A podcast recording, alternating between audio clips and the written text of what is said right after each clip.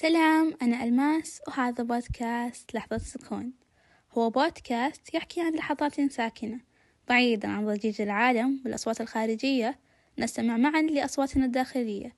وأسرد لكم بعض الأفكار والتساؤلات التي تطرأ لي في هذه اللحظات. راح نبدأ سلسلة جديدة إن شاء الله. راح تكون أول سلسلة في البودكاست. راح أتكلم فيها عن شعورين. ممكن يكون شعور أو ضده وأربطهم بالدين وبحكمة الله سبحانه. عنوان حلقة اليوم راح يكون قلق بالبعد وطمأنينة بالقرب. خلينا نعرف القلق.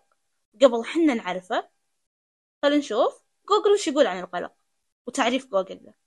القلق هو حالة نفسية وفسيولوجية تتركب من تضافر عناصر إدراكية وجسدية وسلوكية لخلق شعور غير سار يرتبط بعدم الارتياح والخوف أو التردد. غالبا ما يكون القلق مصحوبا بسلوكيات تعكس حالة من التوتر وعدم الارتياح مثل الحركة بخطوات ثابتة ذهابا وإيابا أو أعراض جسدية. عرفنا أن القلق شعور غير محبب ومزعج. طيب من وش يجي غالبا؟ من أشياء بالمستقبل مثل قلق من القبول بوظيفة قلق من النجاح بشيء بنسويه قلق من الموت قلق الأم على ابنها. وندري إن كلها مسلمات لله. هل القلق والخوف بيفيدنا بشيء؟ أو بغير شيء أبدا. وغالبا يكون بالبعد من رب العالمين. كل ما كنت أبعد من ربي كل ما زاد قلقك.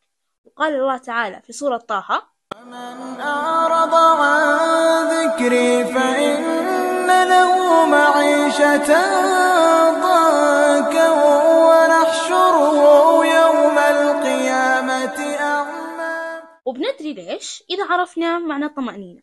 كلنا نخطط للمستقبل ونسعى للأفضل. وهذا صح إن نتوكل ونعمل بالأسباب ونسعى للمستقبل. بس ما نشيل همه. ما نقلق ويصير كل همنا وخوفنا من المستقبل. خلينا ندخل بالطمأنينة وهي الشعور اللي راح نتعمق فيه بقوة. لأنه شعور جميل وأتمنى الكل يحس فيه دايم أول شيء خلينا نشوف تعريف الطمأنينة في جوجل. يقول جوجل إن الطمأنينة هي لغة الثقة وعدم القلق. فالطمأنينة عكس القلق. وطمأنينة النفس راحتها وسكونها وثباتها وأنها أعم من السعادة لأن السعادة ترتبط بالمسارات الطمأنينة ترتبط بالقناعات. السعادة مؤقتة والطمأنينة دائمة. الطمأنينة هي الحياة السعيدة التي ينشدها كل الناس ولكن لا يهتدون إليها. السعادة غاية كل إنسان في هذه الحياة والطمأنينة هي العامل الأهم في تحصيل تلك السعادة. بمنظوري أنا أن الطمأنينة هي التسليم لله والرضا بكل شيء والقناعة ومتى هذا الشيء يجي؟ إذا كنت قريب من الله سبحانه وتعالى. هل تتوقعون قربنا من الله في خوف في قلق في توتر وغيرها من المشاعر المزعجة؟ أنا ما أتوقع أبد. وربي سبحانه وتعالى ذكرها في كتابه. الذين آمنوا وتطمئن قلوبهم بذكر الله. ألا بذكر الله تطمئن القلوب؟ في الحديث القدسي أنا عند ظن عبدي بي وأنا معه إن ذكرني. الاطمئنان يكون حتى بذكر الله سبحانه. خلوا ألسنتكم رطبة بذكر الرحمن. ترفعنا درجات وتقربنا من الاطمئنان. فكروا معي شوي. إذا عرفنا وأيقنا أن الله سبحانه هو المدبر وما راح يدبر أمرنا إلا بالخير. والرسول صلى الله عليه وسلم قال عجبا لأمر المؤمن إن أمره كله خير. إذا أدركنا أن الله معنا في كل حين وكل وقت وكل ثانية. ما في مجال للخوف والقلق. الخوف الوحيد يكون من الله. وحياتنا أساسا كلها ذكر. وأغلب السنن تكون ذكر. إذا لبسنا لبس جديد في ذكر. وإذا نمنا في ذكر. وإذا قمنا. وإذا خلصنا مصلين. وإذا أكلنا. وإذا نزل المطر. وفي أغلب المواضع نذكر الله. فكل حياتنا ذكر. ولو نرجع شوي لقصة موسى عليه السلام. لما طلب من الله وش طلب؟ قال اجعل لي وزيرا من أهلي هارون أخي أشدد به أزري وأشركه في أمري. ليش طيب؟ كي نسبحك كثيرا ونذكرك كثيرا لأن أساس الراحة والإطمئنان. برضو الاستغفار من الذكر ومن لزمه جعل الله له من كل ضيق مخرجا. واذكر قصة شخص كان عنده من الأموال وربي سبحانه وتعالى رازقه ومنعم عليه. بيوم وليلة راح كل شيء منه بلمح البصر صار. على الحديد زي ما يقولون.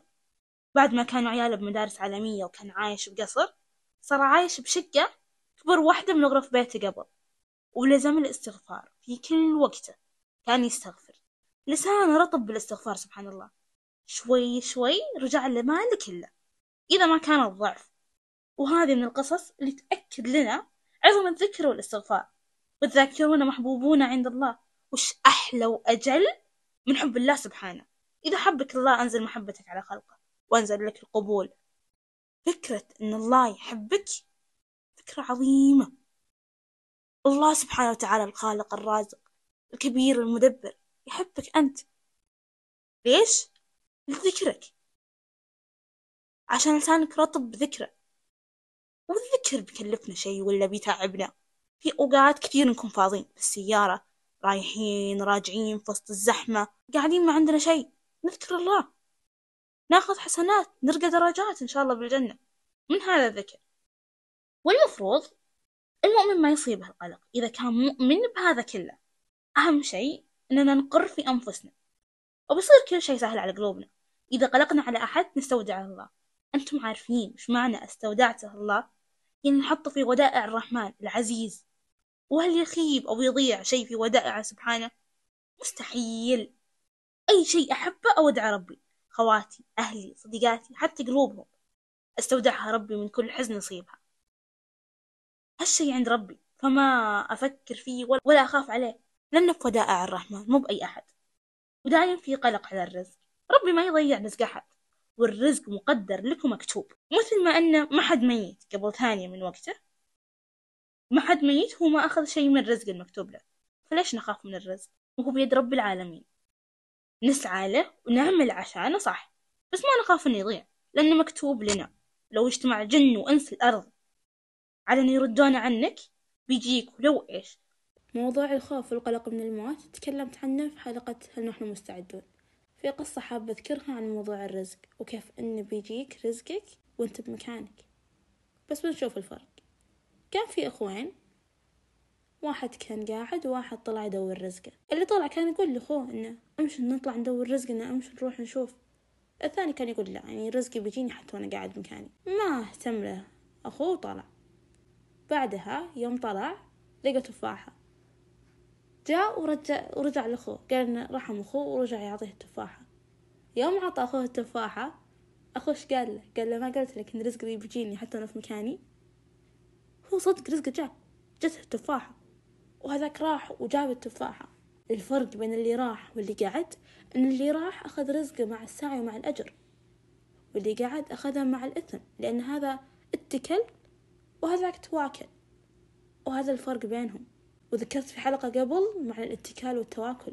وقديش إني ما أحب التواكل. خلصت حلقتنا لليوم وباقي أيام الأسبوع بكون معكم على الإنستا والتيك توك. وفي وقت التأملات والأفكار بطرح كتاباتي على قناتي بالتليجرام. وكل الحلقات موجودة على اليوتيوب. أتمنى تشاركوني آراءكم واقتراحاتكم للحلقات الجاية عن طريق المراجعات في أبل بودكاست إلى اللقاء في اثنين قادم بإذن الله.